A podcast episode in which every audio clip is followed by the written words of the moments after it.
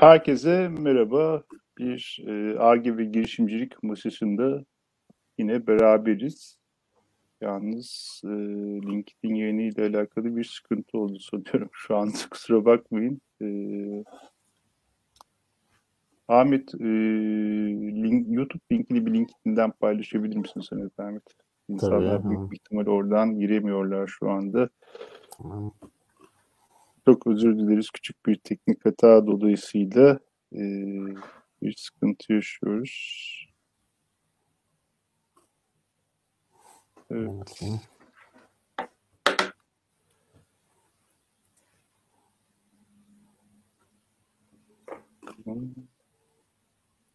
Evet şu an hata giderildi gibi görünüyor. Bir bakayım tekrar.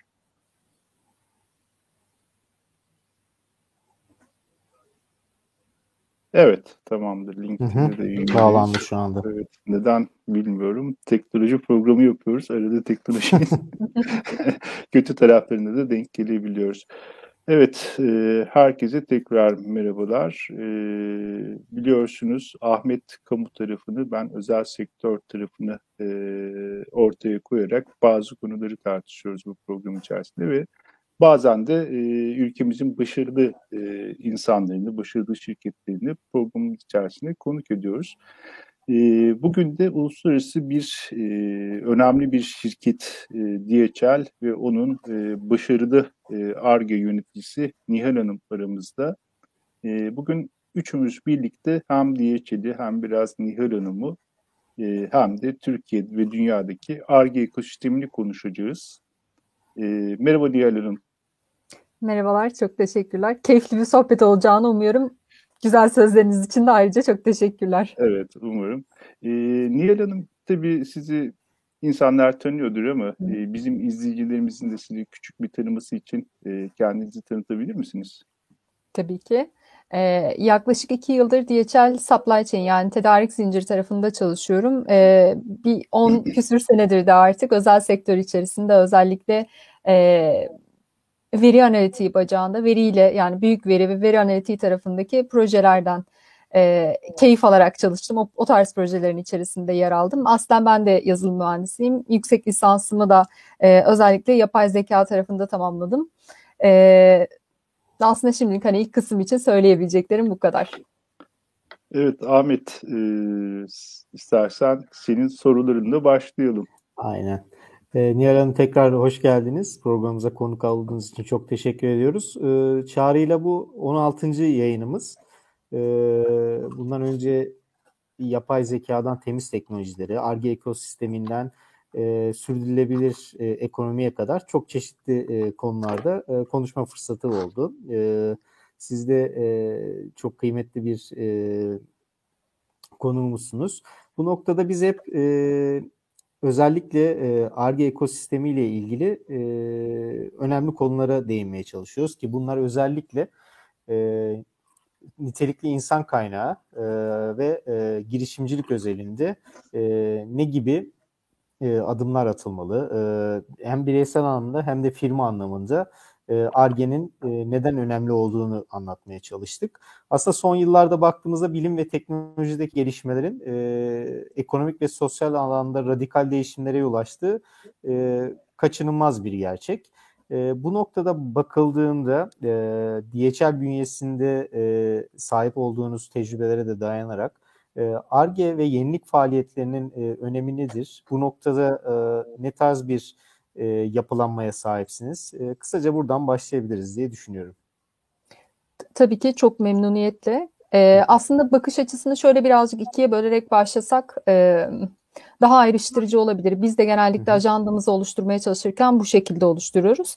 E, Birçok şirkete de baktığımız zaman ARGE e, ajandasıyla dijitalleşme ajandasının tam olarak ayrıştırılamadığını aslında gözlemlemiş oluyoruz.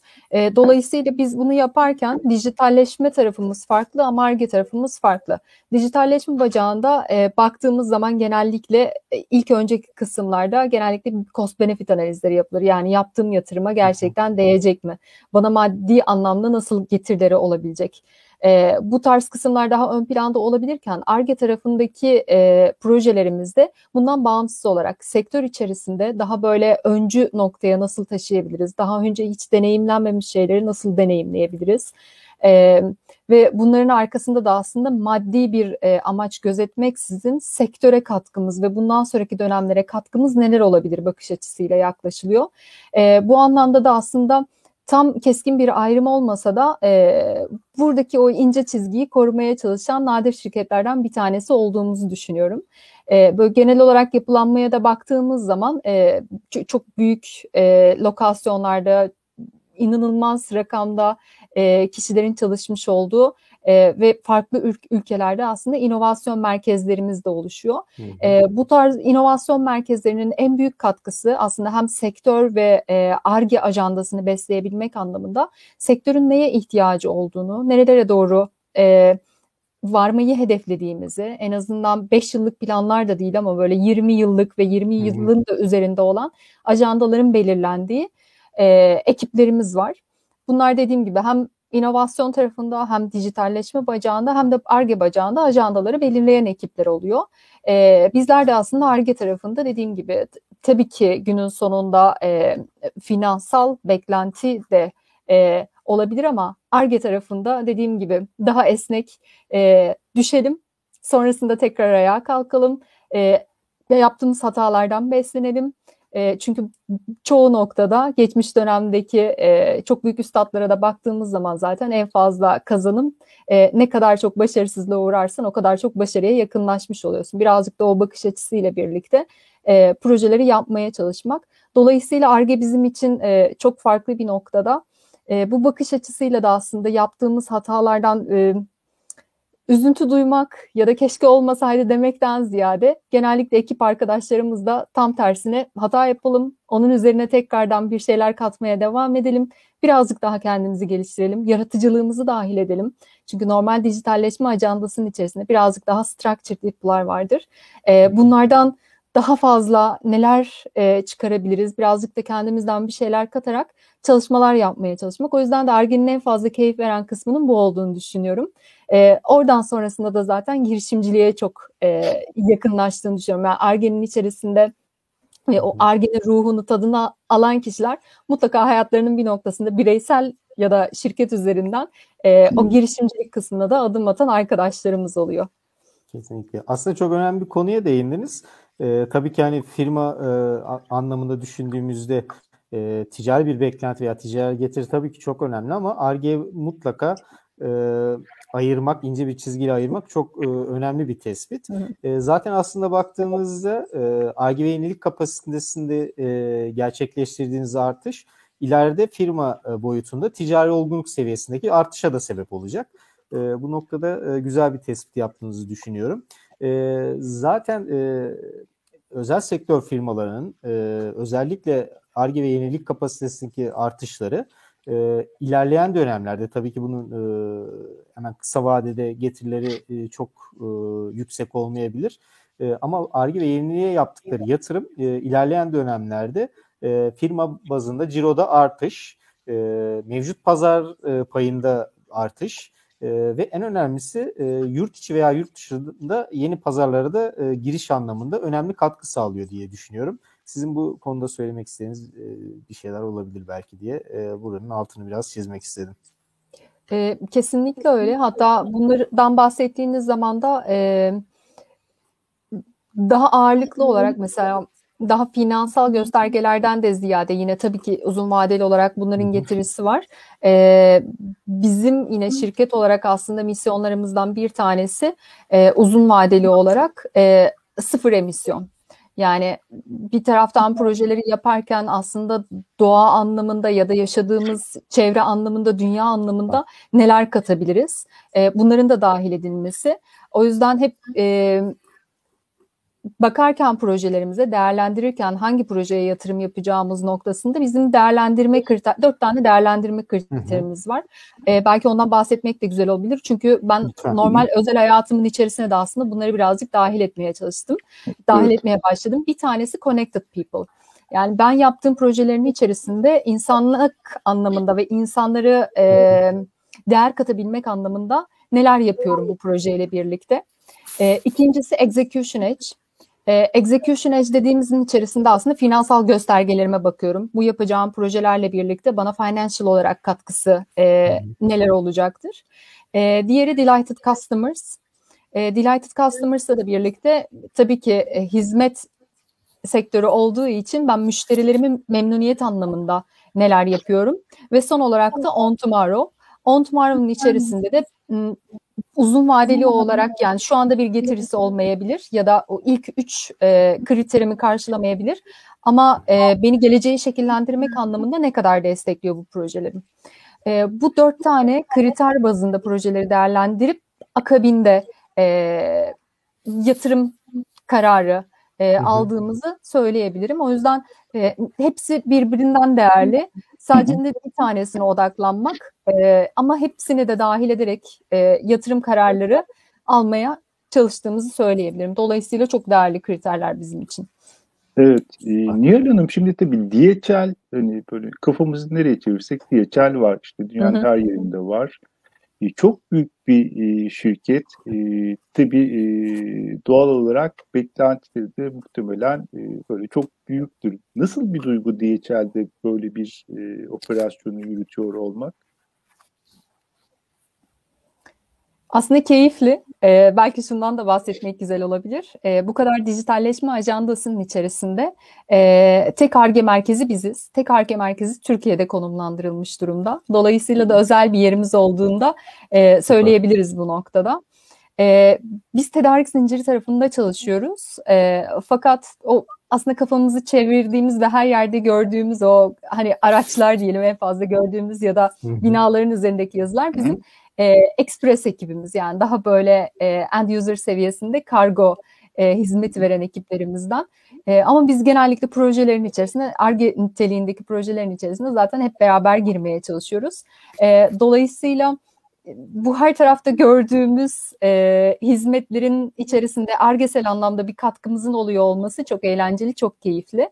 E, dediğim gibi çok arge tarafına da özellikle hem dijitalleşme ajandasında hem de arge ajandasında da çok ciddi e, yatırımlar yapılmayı planlayan bir yönetim ekibine de sahip olduğumuz için e, geleceği görebiliyoruz e, sadece bazı şeyler rakamsal olarak takip etmek değil. Mesela bu green logistic tar- ta- logistics tarafında yapılmaya çalışılan şeyler. Yani yaptığınız işlerin bir nevi olarak e, doğaya katkısı e, ya da dediğim gibi bizim orada şey kısmımız var. Finansal göstergeler değildir her zaman öncelik. E, diğer kısımları da dahil ederek bazı çalışmalar yapabiliyor olmak ve bunlar için de yatırım yap, yap alabiliyor olmak e, ve bu, bu tarz projelerin içerisinde yer alıyor olmak inanın çok keyifli. Şey dediniz sanıyorum, tek ARGE merkezi biziz dediniz. Hı hı. Ee, orayı biraz açabilir miyiz? Nasıl? Ya DHL bünyesindeki tek ARGE merkezimiz. Nasıl? Aynen, aynen. Hı hı.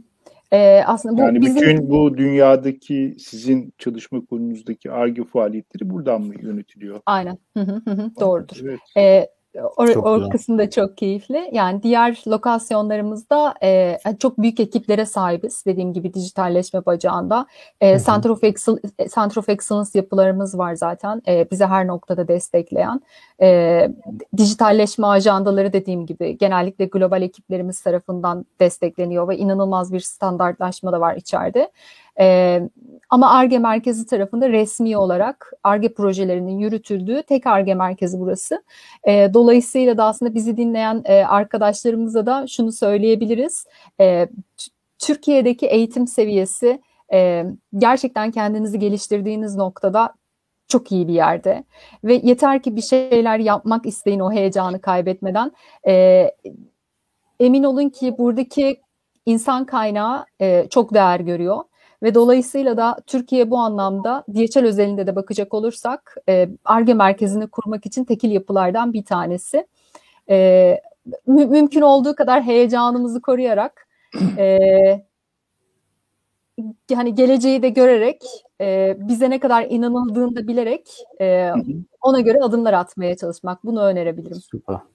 Evet, burada tabii e, laf lafı uçuyor. İşte gençlere de böyle bir pas attık. Hemen oradan e, benim aklıma şey geldi. DHL'in e, hali hazırda devam ettirdiği bir yarışma süreci var. Evet. Belki biraz da ondan bahsedebiliriz Nihal Hanım. Tabii ki.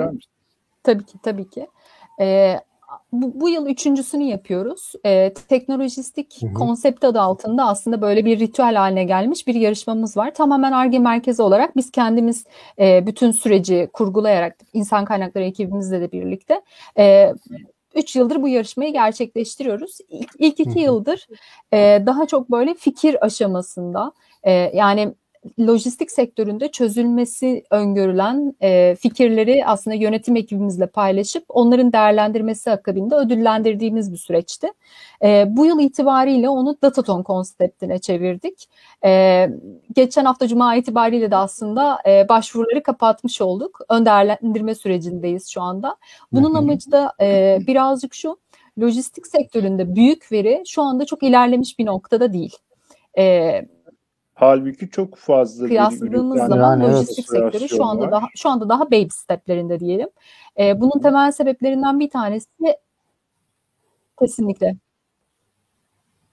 kesinlikle temel sebeplerinden bir tanesi biz gözlemlediğimizde çok farklı çeşitte e, sistemler kullanılıyor. O sistemlerin entegrasyonu e, birazcık daha çok geçmişten gelen sektör olduğu için bazı kısımlar manuel olarak ya da çok böyle hani dijital veri konseptine girmeyen veriler üzerinde de ilerlenebiliyor. E, dolayısıyla bu burada birazcık daha e, adımlar yavaş yavaş atıldığı söylenebilir ama e, yine bu yıl itibariyle 2021 yılı itibariyle e, artık lojistik sektöründe de operasyonlar veri üzerine konumlandırılmaya başlandı e, tahminlemeler üzerine konumlandırılmaya başlandı. E, gerçekten o büyük veriyi bir araya getirmek çünkü müşteri bazlı ya da sistem bazlı tekil bakmaktan ziyade nasıl biz bunları bir araya getirebiliriz ve aslında hani lojistik sektörünü şekillendirebiliriz bakış açısında E, ve bizim öngörümüz önümüzdeki iki yıl içerisinde bu taraftaki e, özellikle büyük veri ve bunların üzerine konumlandırılan algoritmalar anlamında e, çok hızlı yol kat edeceği yönünde. E, tabi buralardan da yola çıkarak aslında biz bu sene yarışmamızı Dataton konseptine çevirdik. E, maskelenmiş e, gerçek veriler üzerine e, üç tane tahminleme yöntemi yapacağız. Bir tanesi e, depo içerisindeki hacmin tahminlenmesi. Diğeri e, ürün segmentasyonu. Diğer bir konumuzda aslında içerideki yine operasyonun e, en maliyetli olan e, süreçlerinden bir tanesi toplama algoritmasının geliştirilmesi. Bunlar baktığımız zaman çok büyük konular. E, özellikle biz bu süreç içerisinde e, aramıza katılacak yani yarışma sırasında aramıza katılacak arkadaşlara mentorluk desteği de vererek aslında bunları birlikte beraber tartışarak yani sadece hani data bu datanın üzerine e, çalışıp e, model geliştirip onların doğruluk oranlarını hesaplamak yerine e, daha böyle sinerjik bir yapı oluşturmaya çalışmak. Çünkü bazen model belli bir noktaya gelmemiş olsa bile öyle bir bakış Doğru. açısı katabilirsiniz ki e, bu açıkçası bunları beraber gözlemleyerek değerlendirmek istiyoruz. E, Evet, tabii yine maddi büyük bir bir fırsatmış. aynen Ahmet maddi ödülün yanında acaba şey Çünkü Evet. veri çok heyecanlı bir veri. Tabii. Problemler de çok hakikaten e, ne bileyim insanı böyle heyecanlandıran problemler. Aynen. Ahmet de istatistikçi, ben de temelde istatistikçiyim. Tabii üzerinde bayağı bir farklı şeyler yaptık ama tabii böyle verileri görmek yani verileri görmekten ziyade işte gençlerin bir şekilde bu Evet. verilere erişmesinin sağlanılması çok heyecan verici bence. E, Çünkü Türkiye'de en zor şey işte gençleri dinlediğiniz zaman işte en işte aşılmaz problem bir şekilde veriye erişmek Veriye ulaşım. Tabii. yeteneklerini gösterebilecekleri ya şimdi hakikaten çok zeki gençlerimiz var. inanılmaz yetenekliler. Evet. Ama bu yeteneklerini gösterebilecekleri Hı hı. problemlere erişmekte çok zorlanıyorlar. Hani problemi de geçtim veriye ulaşamıyorlar zaten kesinlikle. Bu anlamda bu e, ciddi beni de heyecanlandırdı. Hani ne bileyim hani acaba fırsat olur muydu? Biz de başvursak kabul olur muyduk? Merak Bir sonraki ettim. çağrıya diyelim. Aslında Nihal Hanım çok güzel bir konuya değindi. Ee, hani özet olarak şunu bize anlatmaya çalıştı. Artık geleneksel iş süreçleri ve uygulamaları rafa kalkıyor. Ee, yapay zeka ve makine öğrenmesi e, ve diğer e, bilişsel etkileşimler e, ister istemez hayatımızın e, en önemli parçalarından biri haline geliyor. Burası kesin. e, özellikle e, artan bir şekilde e, yapay zeka ve Kesinlikle. dijital dönüşüm Ve işe alım süreçleri de buna göre şekilleniyor. Aynen, aynen. Zaten e, DHL de bu noktada e, biraz önce söylediğiniz e, yarışma tarzı uygulamalarla bunu e, bir şekilde misyon olarak edinmiş. E, bir de özel sektör kuruluşları özellikle son dönemde e, ki lojistik alanında da yapay zeka ve dijital dönüşüm için e, bu gerek teknik altyapıyı ve özellikle sizin de biraz önce söz ettiğiniz gibi verinin oluşturulması için de e, kurum içi uygun politikalar geliştirmeye başladı. Bu noktada da aslında sizin yapmış olduğunuz uygulamalarda bunun bir öncüsü olarak söyleyebiliriz. Biraz önce söylediğiniz gibi biz aslında başka programlarda da e, çağrıyla bunu e, hep dile getirdik. Özellikle bu yapay zeka ve dijitalleşme noktasında e, genç arkadaşlarımız için 2025-2030 yıllarına kadar çok yeni meslek grupları ve çok farklı sektörlerde iş bulabilme olanakları hı hı. çıkacak. O yüzden sizin de belirttiğiniz gibi çok kıymetli bir insan kaynağımız var. Çok kıymetli bir genç nesil kuşağımız var. Bu noktada mutlaka dijital dönüşüm ve yapay zeka noktasındaki sektörlere veya özellikle bu alanlara yönelmelerinde ben de büyük bir fayda görüyorum. E, Nihal Hanım bu noktada bir de size şeyi sormak istiyorum. Hani e, yapmış olduğunuz ARGE projeleri kapsamında e, projeleriniz tabii hani ka- kamu tarafından da fonlanan projeleriniz de var. E, büyük bir firma olduğunuz için. Bu noktada e, kamu ARGE destekleri anlamında e, fonlanmak veya hibe destek almak e, özel şirket özelinde ne gibi avantajlar veya dezavantajları var? E, tecrübelerinizi kısaca bizle de paylaşabilir misiniz bu noktada? Hı hı. Tabii ki. Özellikle ARGE proje böyle biraz farklı bir yere bağladım ama hani e, fena olmadı gibi.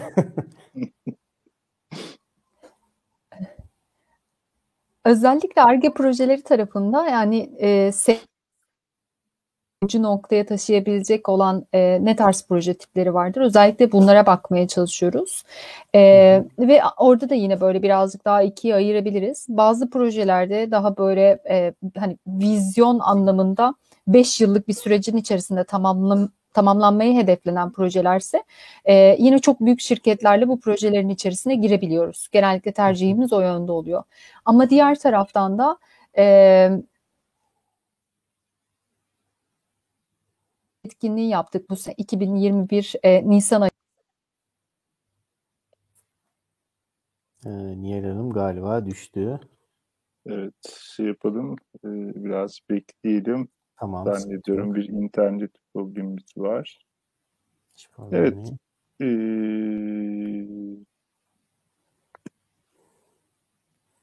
bakalım.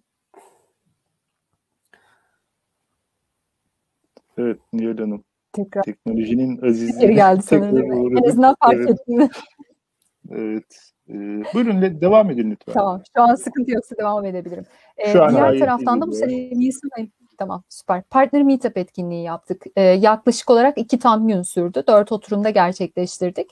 Özellikle startup bacağında lojistik sektörünü beslek, besleyebilecek e, daha böyle ufak çaplı olan firmalarımız hangi noktalarda beraber çalışabiliriz? Hem dediğim gibi ARGE tarafında hem de inovasyon tarafında e, nasıl işbirlikleri kurabiliriz? Bunları birazcık daha e, ön plana alabilmek için bu tarz etkinliklerimiz de oluyor. E, do- dolayısıyla da aslında dediğim gibi yani bütün e, çapta olan firmalarla birlikte e, girişimciler olabilir, bizim de olabilir, olabilir e, henüz startup boyutunda olabilir ya da e, daha böyle pioneering productlar üzerinde e, Hı hı. geliştirmeler yapmak istediğimizde daha böyle büyük bütçelerin konması gerektiği noktalarda diyelim. E, o zaman da daha büyük çaplı olan şirketlerle e, işbirliği içerisinde hareket edebiliyoruz. E, en, en temelde de gerçekten operasyonlarımızı büyük veri ve yapay zeka tarafında ne kadar destekleyebiliriz, ne kadar otomatize edebiliriz e, ve önümüzdeki 5 yıl içerisinde ya da daha uzun vadeli olarak yaşadığımız dünyaya ve çevreye katkıda bulunabilecek ne tarz ürünler olabilir? E, bunların çevresinde şekillendirerek aslında işbirliklerimizi devam ettiriyoruz. Süper. Ee, peki bu noktada mesela e, hani proje proje anlamında da olabilir. E, proje hı. sonu çıkan e, ürün anlamında da e, pazarlama faaliyetleri anlamında ne tarz e, işlemler yürütülüyor DHL e, bünyesinde. E, yani ARGE projesi sonucunda çıkan ürünün pazarlama faaliyetleri yönünde işte satış Hı-hı. hedefleri olabilir. E, bu ta, bu ekibiniz ne tarz çalışmalar yürütüyor? Hani burada da dinleyicilerimizden firma bünyesinde bu tarz tecrübenizi paylaşmak, e, dinlemek isteyenler olabilir. Tabii ki. E, bu, bu tarafta da aslında stratejimiz çok net. ARGE e, üzerindeki özellikle internal kaynakla e, geliştirdiğimiz productları yani bireysel olarak geliştirdiysek sadece herhangi bir partnerle beraber değilsek o noktada e, şirket içerisinde bunların kullanılması. Şirket içerisinden kastım da aslında DPDHL e, grubu içerisindeki şirketlerimiz tarafından kullanılması. E, çünkü bunların e, daha böyle support ve maintenance taraflarını da yönetilmesi gerektiği için onlar için de hani o kadar bu ARGE tarafında ürünleri biz ortaya çıkardık. Hadi kullanıyoruz şimdi noktasında e, gelebilmek için de epeyce bir efor harcanıyor ve bunların sonrasındaki aslında maintenance kısmını da çok iyi düşünmek gerekiyor. Gerçekten o support kısmını içeride verebilecek misiniz? Bu tarz yapıların kurulması. Özellikle dikkat ettiğimiz kısımlar bunlar. Ee, ve ortaya çıkan ürünlerde zaten e, bir tane operasyonumuzda gerçekleştirdiğimizde bir takım operasyonel e, verimlilik KPI'leri belirliyoruz. Bu KPI'lerin hangi kriterlere göre değişkenlik gösterebileceğini belirleyip ona göre bir rollout stratejisi belirliyoruz. Ee, iki, iki tane ürünümüz var bu noktada olan. Bir tanesi depo içerisinde e, otomatik sayım cihazı. Daha machine learning tabanlı. E, diğeri de e, aslında İSE senaryoları tarafında kullandığımız virtual reality e, tabanın üzerinde e, geliştirilmiş diğer bir product.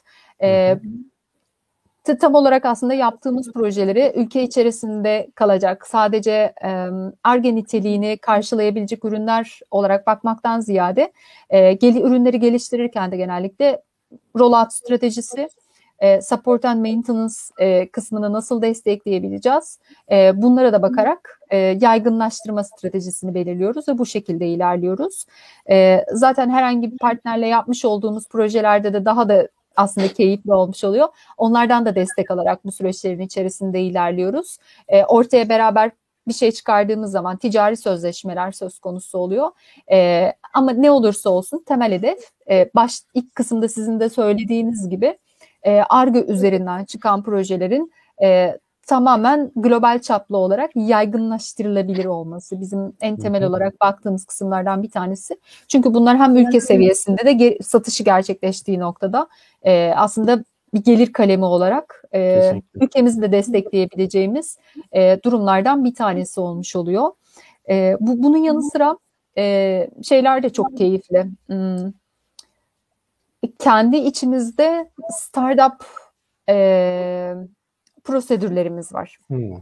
Yani evet, aslında benim de çok merak ettiğim hı. bir konu şu. Hani DHL birçok önemli operasyonları gerçekleştiriyor. Elinde önemli bir veri var. E, iyi de bir insan kaynağı var. Hı hı. Peki DHL bu insan kaynağını nasıl dinç tutuyor aslında? Çok evet. da merak ettiğimiz nokta orası. Belki biraz da Kesinlikle. Oradan... Çok güzel ödüllendirme mekanizmalarımız var. E, çünkü bu ödüllendirme mekanizmaları ile birlikte daha çok e, global bilinirlik, vizibiliteyi sağlamak. E, bu her tecrübe seviyesinde ve her e, tüm departmanlar için geçerli olduğu söylenebilir. Ama tabii ki birazcık daha ARGE e, ve inovasyon tarafında birazcık daha teknik olan kısımlarda e, o görünürlüğü sağlayabilmek için, fark yaratabilmek için çok daha fırsatınız olabiliyor. E, bu kurum içi ödüllendirme mekanizmalarının yanı sıra e, yine global seviyede desteklenen startup e, organizasyonlarımız var. Bunların içerisinde şunlar oluyor. Dönemsel olarak siz fikirlerinizle birlikte başvuruyorsunuz. E, bu organizasyonlara ya da bu yarışmalara diyelim. Çünkü aslında bunlar da yarışma konseptinde. E, çok inanılmaz değerlendirmelerden geçerek e, projenize yatırım yapılır ya da yapılamaz kararı noktasına taşıyorsunuz. E, bu elenen e, yarışma, yarışmacıların diyelim ya da fikirlerin içerisinde de e, size belli bir dönem e, içeride e, bir koç atanıyor aslında girişimcilik tarafında beslek, besleyebilmek için.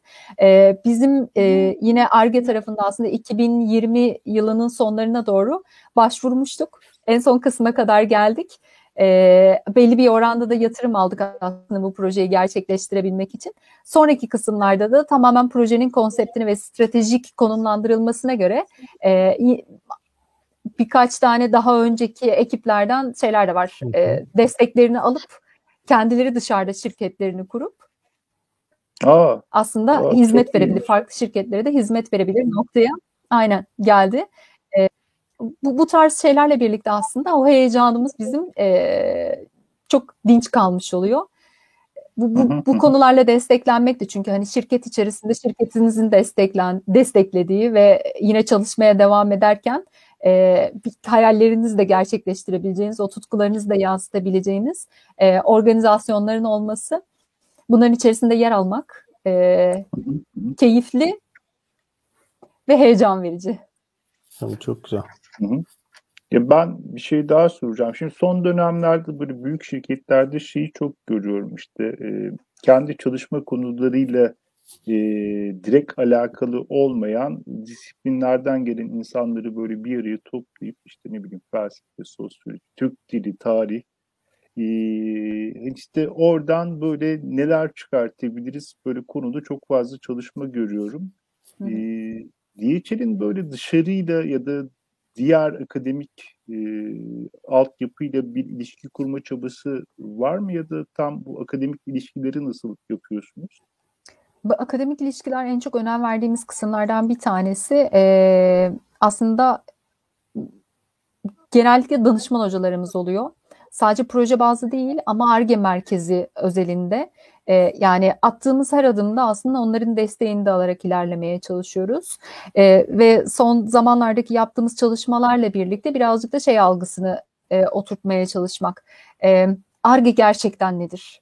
Çünkü her ne kadar bu ARGE kelimesi hayatımızda e, çok uzun süredir var olmuş olsa bile o ARGE'den beklenilen şeyleri e, günlük rutin operasyonel hayatın içerisinde hani o e, günü kurtarma çabasının içerisinde çünkü onların da devam ediyor olması gerekiyor. Doğru. E, bazen atladığımız şeylerden birisi olabiliyor. E, özellikle akademik tarafta e, bu, bu kısımların desteğini almaya çalışarak e, gerçekten ARGE nedir? ARGE projelerinden beklentimiz ne olmalıdır? ARGE e, projeleri ne zaman sonra benefite dönebilir? Nereye kadar emek harcamamız, harcamamız gerekiyor? Çünkü hazır bir product değil önümüzdeki. Ya, fail edeceğimiz kısımlarda Hı-hı. olmuş olacak. Bunlar bir evet. başarısızlık değildir. Aslında beklenilen şeylerdir. Tam tersinde başarıdır. O noktaya bile getirebiliyor olmak. Ee, akademi tarafındaki hocalarımız genellikle bunu çok daha e, tatlı bir şekilde ve çok daha bilimsel bir şekilde aktardığı için e, onların desteğiyle ilerlemeye çalışıyoruz. Evet Ahmet.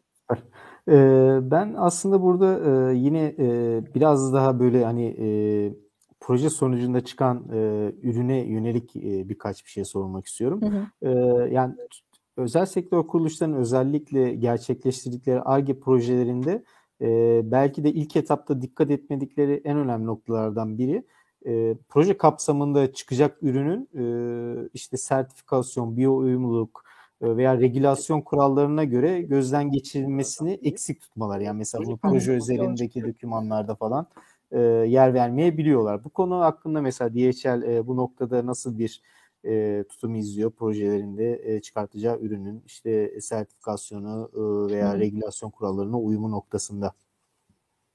Ee, şöyle aslında projelere başlamadan önce e, o birazcık daha paperwork'ün olduğu kısımlarda diyelim e, nasıl yaygınlaştırabiliriz, nerelerde sıkıntı yaşayabiliriz ya da nasıl alternatiflerimiz olmalı e, bunları çıkarmaya çalışıyoruz. Mesela robotik projelerimizden birisi için e, yine bu sertifikalandırma sürecinde ve çünkü gümrük süreçleri de oralarda da çok fazla prosedürel kısımlar olabiliyor. Ee, bunlar için de alternatif senaryolar üretmeye çalışabiliyoruz. Çünkü şu tarz ürünler genellikle e, o birleştirme hani robotik bir ürünse birleştirme kısımlarının burada yapılmaması zaten bazı parçalar yurt dışından geliyorsa ilgili lokasyona gönderilerek aslında buradan e, o adam gün hesabını buradan dahil ederek Hı daha doğrusu buradaki arkadaşlarımızı projenin içerisinde görevlendirerek yerinde assembly, süreçlerinin tamamlanması alternatiflerden bir tanesi. E, tamamen projenin tipine göre değişkenlik gösteriyor ama e, son zamanlarda dediğim gibi özellikle büyük veri ve yapay zeka tarafında projeler söz konusu olduğunda bunlar daha çok böyle software as a service yani service tadında hizmetler verilebilecek şeyler olduğu için e, sertifikalandırma kısımları hani nazaran daha kolay bir hale gelmiş oldu. Ağırlıklı projelerimiz bu tarafta. Ama bunları yaparken de daha büyük bir konu önümüze girmiş oluyor. Genellikle ülke bazlı olarak e, hani merkezde GDPR var. işte Türkiye'de Evet. KVKK var. Farklı ülkelerde farklı sistemler var. Veri söz konusu olduğu zaman da e, bu tarz konular ön plana çıkmaya başladı. Doğru. O yüzden yine bu projelere de bu tarz projelere de başlamadan önce hangi veriler işlenebilir? Ee, hangi veriler arşivlenebilir? Ne kadar süre arşivlenebilir? Kim ne kadar izin veriyor? Arşivledikten sonra maskeleyip bir tarafta mı tutabilirim? Ee, gibi daha önemli konular ön plana çıkıyor. Orada zaten hukuk ekibimizle birlikte e, yakın çalışmaya çalışıyoruz. E, ve yine önümüzdeki zaten hani çok aktif bir şekilde ama e, çok daha değerli olacak alanlardan bir tanesi de e, data security tarafı. Yani normal Evet. bir database security'den çok daha başka bir Tabii. uzmanlık alanı haline gelmeye başladı ve e, konuya e, hem hukuksal boyutta hem teknik boyutta hakim olunmadığı müddetçe e, birazcık şey e, doğru ellere teslim ediyor olmak lazım. Özellikle buna Evet. dikkat ediyoruz. E, çünkü orada yapabileceğimiz e, en ufak bir hata çok ciddi boyutlara taşıyabilir. Hem projeleri hem proje Kesinlikle. yatırımlarını e, hem de sonrasında ortaya çıkabilecek şeyleri. E, genellikle de bunları bunlara dikkat etmeye çalışıyoruz ama da- data security tarafında yapılabilecek işlemler en e, temelde dikkat ettiğimiz şey. Çok önemli. Aslında bu noktada e, daha önceki programlarımızı hatırlarsın belki Çağrı. E, 2017 yılında Harvard Business Review'un yaptığı bir çalışma vardı. E, Şirketlerin yapay zekayı kullanma oranı ile ilgili. E, Nihal Hanım da belirttiği gibi özellikle Ya, evet. güvenlik ihlallerinin tespit edilmesi noktasında ilk etapta firmalar önceliği yapay zekaya veriyor. İkinci kısımda e, hani kul- e, mevcut kullanıcıların tekno, o teknolojiyle ilgili sorunlarını çözme, yani müşteri sorunlarını çözmek noktasında e, aslında çok önemli bir noktaya değindin Nihal Hanım. Burada hani e, veri güvenliği gerçekten e, çok önemli. E, o noktada ben de e, aynen ona katılıyorum. E, çok kısa bir şey daha soracağım. Sonra Çağrı sana bırakabilirim sözü. E, özellikle bu ARGE projelerinde teknoloji doğrulama çalışmaları noktasında e, yani proje ekibinizin katkısı, özgün katkısı çok önemli. Bu noktada bu çalışmaları yaparken e, hizmet alımı noktasında yani firma dışı hizmet alımı noktasında e, yüzdeniz hani resmi rakam olarak değil de yüksek midir yoksa genellikle e, kendi ARGE personeliniz ve ekibinizle mi e, projeleri gerçekleştirmeye veya süreçleri yönetmeye çalışırsınız veya hizmet alımlarına da önem veriyor musunuz? E, özel sektör kuruluşları olabilir veya üniversitelerden de olabilir tabii. Araştırma enstitüleri veya Hı hı. e, farklı e, enstitüler. Bunlar da aslında projenin e, türüne göre değişkenlik gösteren konulardan bir tanesi. E, de- aslında orada birazcık zaman planı yapmaya çalışıyoruz ve uzmanlık alanlarını da bölüştürmeye çalışıyoruz. Bir konuda herkesin %100 uzman olabileceğine dair e, bir beklentimiz yok. O yüzden aslında ARGE merkezi olarak da aynı noktadan belli bir uzmanlığımız var. E, uzmanlık alanının dışında herhangi bir konuyu da kendimizi yapabileceğimizi iddia edersek o zaman zaten 1-0 yenik başlamış oluruz. Evet. O yüzden de beraber çalışacağımız, e, biz hep onlara tedarikçi demiyoruz asla, beraber çalışacağımız partnerlerimiz aynı sinerjiyi yakalayabiliyor olmamız lazım. Ee, o yüzden de o uzmanlık alanı anlamında bir ayrıştırmamız olduğu için genellikle e, tamamlanma ihtiyacımız olduğu noktaları da çok net bir şekilde belirlemiş bulunu- bulunuyoruz.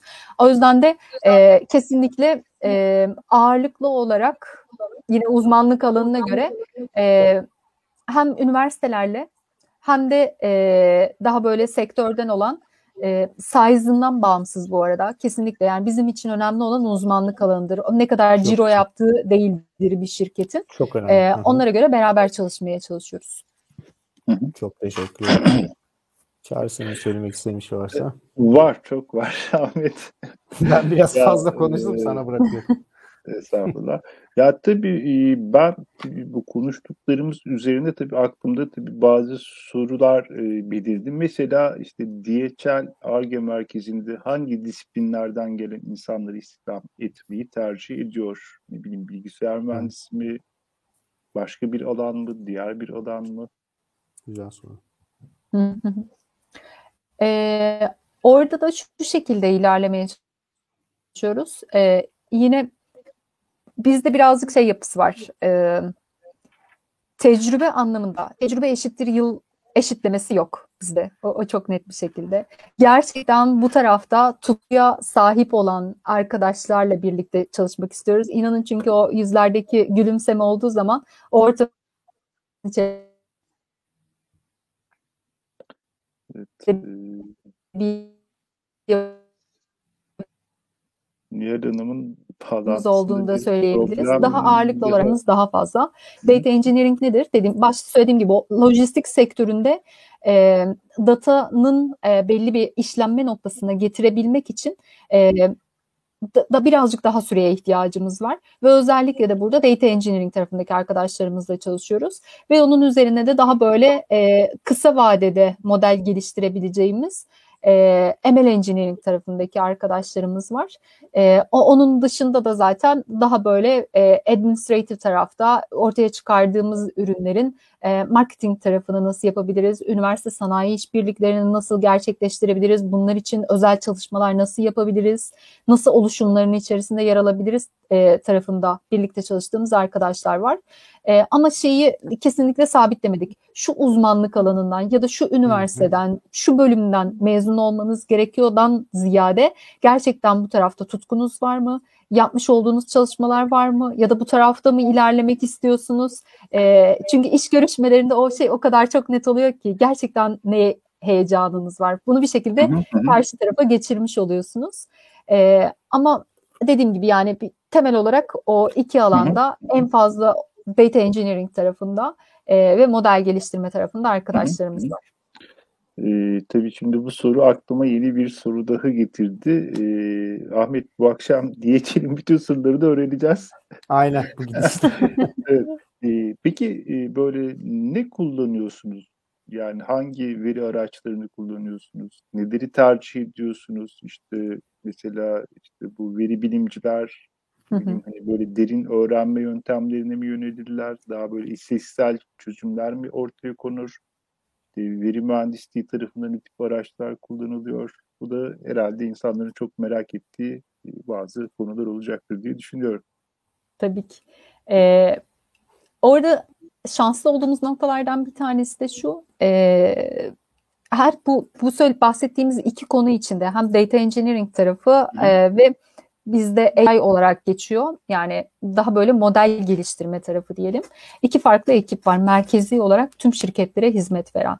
Dolayısıyla bizim üzerinde çalışacağımız platformları da e, o data security'yi sağlayacak şekilde aslında e, hazırlamış oluyorlar.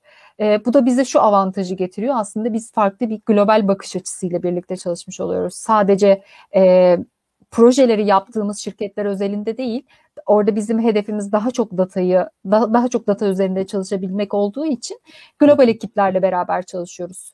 Ee, onlardan data security tarafında neler yaptıklarını gözlemlemiş ve görmüş oluyoruz. Ee, ve ihtiyaca göre de aslında orada ikiye kırılmış durumda. Ee, tabii çok daha fazla ülkeye hizmet verdikleri için bazı durumlarda on-premise e, platformlar sağlanıyor. Bazı durumlarda cloud platformlar sağlanmış oluyor. E, ve biz bunu o ülkenin e, işte veri güvenliği tarafında ya da kişisel verilerin korunma kanunu kapsamının içerisinde e, o imkanlar dahilinde platformları evet. seçerek devam etmiş oluyoruz. On-premise tarafında yani aslında bütün alternatifler var. Mapar'da kullanabiliriz, e, Hive'da kullanabiliriz, Hadoop'ta kullanabiliriz, e, Microsoft e, Azure'da kullanabiliriz bunların içerisinde. Ve bütün alternatifleri düşünebilirsiniz. O yüzden belki de bu kadar esnek davranılıyor olması da e, önemli bir şey. Çünkü datanın tipine göre, ülkenin el verdiği şartlara göre, e, o verilerin e, entegrasyon şartlarına göre, sistemlerin entegrasyon kurallarına göre e, bütün her şeyi kullanabiliyor olmamız gerekiyor. O yüzden bütün havuzu düşünüp e, bütün imkanlar dahilinde tek bir böyle çitle çevrilmiş bahçenin içerisinde e, oynama imkanımız oluyor. Evet, hakikaten e, zannediyorum bizi izleyen verim mühendisleri de böyle bir yerinde titremiştir. Bu kadar fazla araca, bu kadar fazla platforma erişebiliyor olmak, hepsiyle haşır neşir olabiliyor olabilmek ciddi anlamda önemli. E, tabii e, ülkemizde yani birçok firmanın da tabii sunamadığı fırsatlar bu çalışanlarına. Çünkü hani e, Ahmet şeyi de biliyorsun Şimdi bizim yaptığımız iş bu veri mühendisliği, veri bilimi, yapay zeka. Ya burada evet e, verinin niteliği, büyüklüğü çok önemli ama işte erişebildiğin araçlar da çok önemli. İşte benim bir işi keyifle yapabiliyor olmamı sağlayacak bazı etkenlerden e, işte en önemlileri bunlar. Hani bir verinin Kesinlikle. büyüklüğüne bakıyorum, amaçlara bakıyorum, problemlere bakıyorum. Ama bir de neyle çalışacağım? O da benim için çok önemli.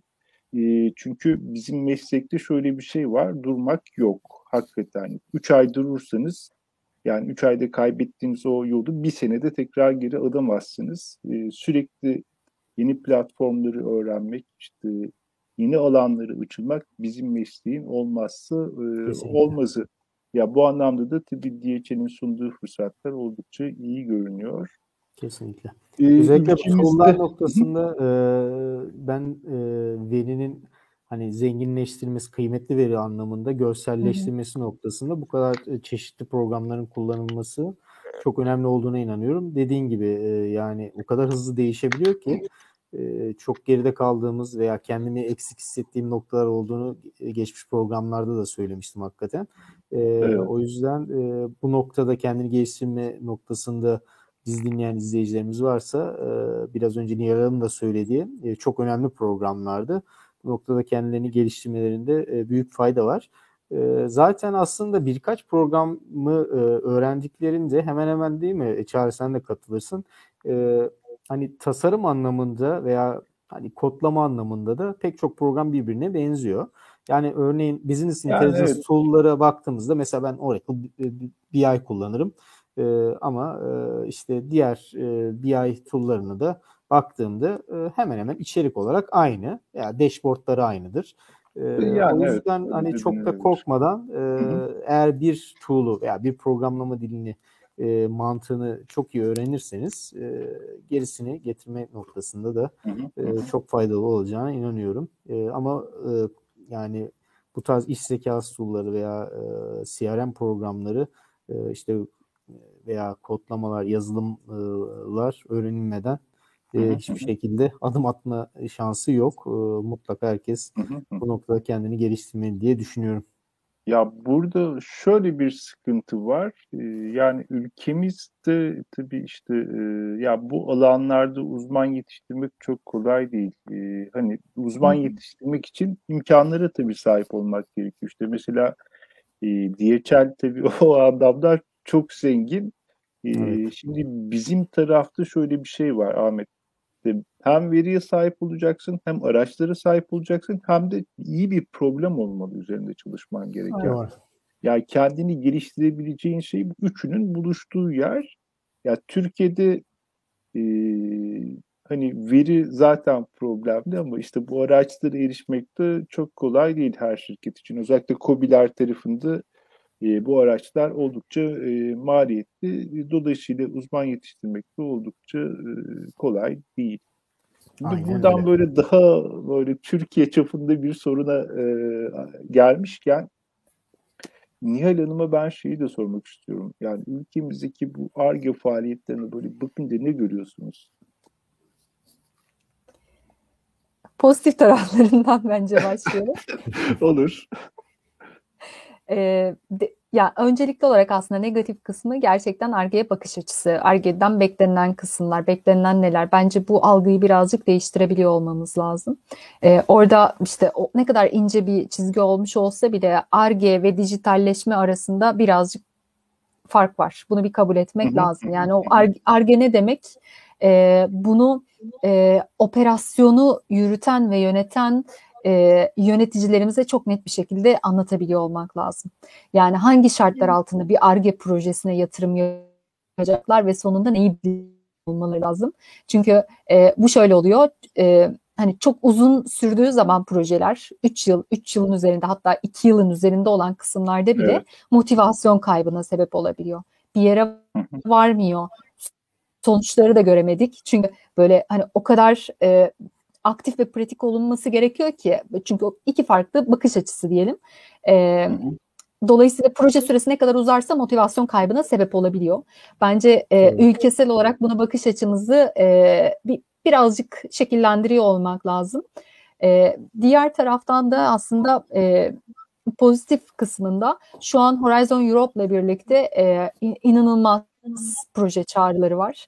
Ee, ama bunları da sadece ARGE'yi yapan ARGE ekipleri, daha çok teknolojiye hakim olan kişilerden ziyade operasyonel ihtiyaçlar ve şirketlerin vizyonları çerçevesinde bu projelerin içerisine e, başvuru yapmak lazım ya da giriş yapmak lazım. E, DHL açısından bakıcı, baktığımız zaman genellikle buraya belli bir oranda bütçe ayrılmış olduğu için bu projelerde e, hani kendi şirketim adına sıkıntı yaşamıyorum ama Böyle genel olarak baktığımızda ARGE e, tarafına ayrılan bütçe şirketler çerçevesinde çok az. Genellikle ARGE'ye bakış evet. açısı e, belli bir hani teşviklerden faydalanalım. E, bir birazcık daha hani maliyetleri düşürmüş olabiliriz bazı çerçevelerde. Bakış açısıyla giriş yaptığımız zaman ARGE'ye e, oralarda tabii sıkıntılar başlamış oluyor. Ve maalesef de eğer bu bakış açısıyla ilerlersek özellikle Avrupa Birliği konseptinde o çatı altındaki projelere başvuru yaptığımız zaman e, direkt zaten şey ön yargısını oluşturmamak lazım. Nasılsa Türkiye'den başvuruluyor. E, hani amaç nedir? bu noktadadır e, bakış açısını yaratmıyor olmamız lazım. Nitekim birkaç tane projenin içerisinde de e, gördüğümüz senaryolar oldu. Ha, tabii ki çok başarılı olan ve farklı bakış açısıyla yaklaşıldığı zaman bizler kendimizi çok daha farklı aktarmış oluyoruz. Ama bence bu algıyı hep birlikte yaratmış olacağız. Yani şunu diyor olmaları lazım. Türkiye'den geldiyse bu başvuru e, kesinlikle girilir, beraber olur. Çok da keyifle, heyecanla çalışırız. Bakış açısını yaratabiliyor olmamız lazım. Ee, birazcık buralarda dikkat etmek gerektiğini düşünüyorum naçizane. Aslında yani ben de e, katılıyorum. Şey, aynen. Ben de Nihal Hanım'ın söylediklerine katılıyorum. Bugün e, TÜİK aslında ARGE e, faaliyetler araştırması sonuçlarını açıkladı. 2020 yılına ait. Tam da bizim hani e, konuştuğumuz konuya da denk geldi. 2019 yılına göre 9 milyar 300 milyon lira artarak 2020 yılında e, Türkiye'nin yaptığı ARGE harcaması 54 milyar 957 milyon lira olmuş. E, gayri safi yurt içi hasıla içerisindeki payı yüzde bir civarlarında aslında oldukça düşük bir rakam. Tabii bunları hı hı. bu rakamı çok daha yukarıya çekmek e, önemli diye düşünüyorum. E, aslında Nihal Hanım bugün e, bize e, hani ARGE e, projesi e, nasıl hazırlanırdan tutun e, bir firma bünyesinde ARGE kültürünün e, nasıl yaratılabileceğine kadar e, çok somut ve çok net bir şekilde e, ifade ederek bize çok güzel e, bilgiler verdi. E, ben de bu noktada e, şunu söylemek istiyorum. Özellikle ARGE ile ilgili faaliyetler gerçekleştirirken bunun projelendirilmesi ve bu projelendirmede e, özellikle proje kapsamındaki pazarlama faaliyetlerinin iyileştirilmesi, iş fikri veya proje fikriyle ilgili e, finansal tabloların ve fiyatlama stratejilerinin mutlaka gözden geçirilmesi, e, ticaretleşme potansiyeli açısından ön pazar araştırmasının e, mutlaka yapılması e, ve özellikle e, iş planı ile ilgili yani projede e, gerçekleştireceğiniz iş planı ile ilgili çıktıların e, ulusal veya uluslararası pazarda mevcut benzerlerine göre mutlaka karşılaştırmalı olarak farklılıklı, farklılıkları, e, avantajı ve üstünlükleri hususunda mutlaka detaylı bir şekilde çalışılmasını e, öneriyorum. E, bu bence ARGE projelerinde olmazsa olmaz. E, bir de biraz önce aslında Nihal Hanım da konuştuk o konuda da çok detaylı bilgi verdi. Özellikle proje sonucu çıkacak ürünle ilgili sertifikasyon ve regülasyon kurallarına e, mutlaka dikkat edilmeli diye düşünüyorum. E, bu noktada e, Nihal Hanım'ın hani anlattıklarını bu şekilde e, ben de birazcık e, ekleme yapmak istedim. Evet, yavaş yavaş bir saati doldurmak üzereyiz. Az bu kadar oldu mu ya? kalmış. Yani evet. Nasıl geçtiğini anlamadık gerçekten. Çok evet, akıcı güzel bir heyecanlı güzel oldu. program. Ee, evet Tabii ben son e, sözlerimize böyle bir e, başlayalım diyorum. Zaten fazla da bir vaktimiz kalmadı. Tabii benim e, tabii son olarak bu program üzerinde söyleyeceğim şey e, elbette ki Türkiye'de çok ciddi ARGE çalışmaları yapılıyor ama biliyoruz ki e, işte biraz önce Ahmet'in de verdiği rakamlardan da e, tabii çok belli. E, buradaki çalışmaların yani böyle bütçesel oranları oldukça hali hazırda düşük. Buralarda tabii artışların olması en büyük beklentimiz. Tabii burada işte şey de çok önemli işte ARGE yapacağız, inovasyon yapacağız ama bunları tek başımıza mı yapacağız? Ya da işte aynı şehirdeki, aynı ülkedeki şirketlerle beraber mi yapacağız?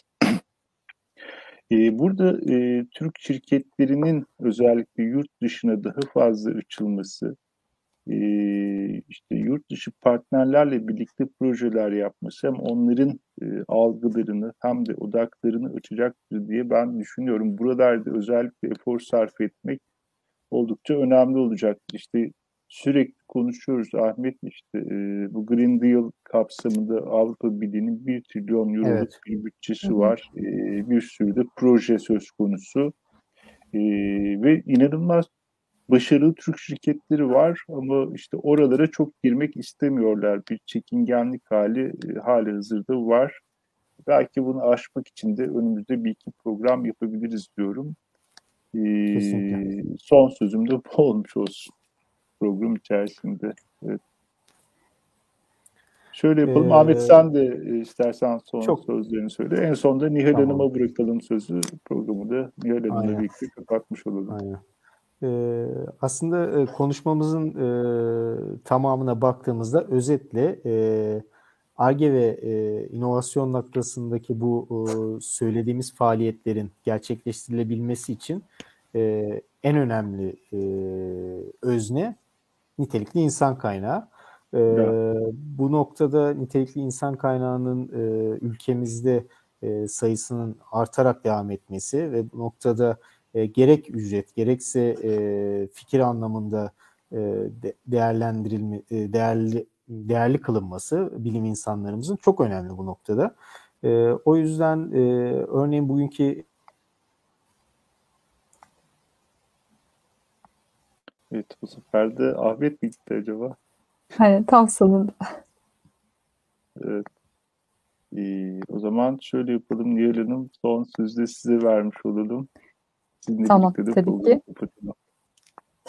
Ee, öncelikle çok teşekkür ederim. Böyle bir ortamda e, aslında ARGE ile alakalı düşüncelerimi hem şirketim adına hem kendim adına yansıtabildiğim için. E, ben hep şöyle düşündüm şimdiye kadar. ARGE gerçekten e, bizim geleceğimiz. Hem bireysel olarak evet. hem de ülke anlamında. E, o noktada da ben e, elimden geldiği kadar e, kim nerede ne kadar nerede çalışma ne yapmaya çalışıyorsa nasıl destekleyebilirsem onu desteklemeye çalışırım. Ee, yine peşimizden gelen arkadaşlarımız ya da yanımızda kol kola çalışacağımız arkadaşlarımız kimin nerede desteğe ihtiyacı varsa e, ona da destek olmaya çalışırım. Çünkü bu, bu geleceği beraber inşa ediyoruz. O yüzden de birbirimize destek oluyor olmamız lazım. Ee, Süper. O noktada da kim hangi noktada iletişim kurmak isterse dediğim gibi açığım. Süper. Evet. Benim bağlantı da bu arada gitti. Ben bir şeyler söylüyordum tabii. Yine gitti galiba Ahmet. Yine dondun. Kusura bakma. Kısmette yokmuş. Yok yok. yok, Nihal çok teşekkür ediyoruz değerli katkıları için. Bundan sonraki programlarda yine kendisini konuk almak isteriz. Çok kıymetli bir konumuzdu. Çok güzel bir sohbet oldu bizim açımızdan. Kendisine tekrar teşekkür ediyoruz. Evet, e, tüm izleyicilerimize ve konumuz Nihal Hanım'a teşekkür ediyoruz. E, haftaya bir başka konukla bir başka programda görüşmek üzere. Hoşçakalın. Herkese iyi, iyi akşamlar. akşamlar.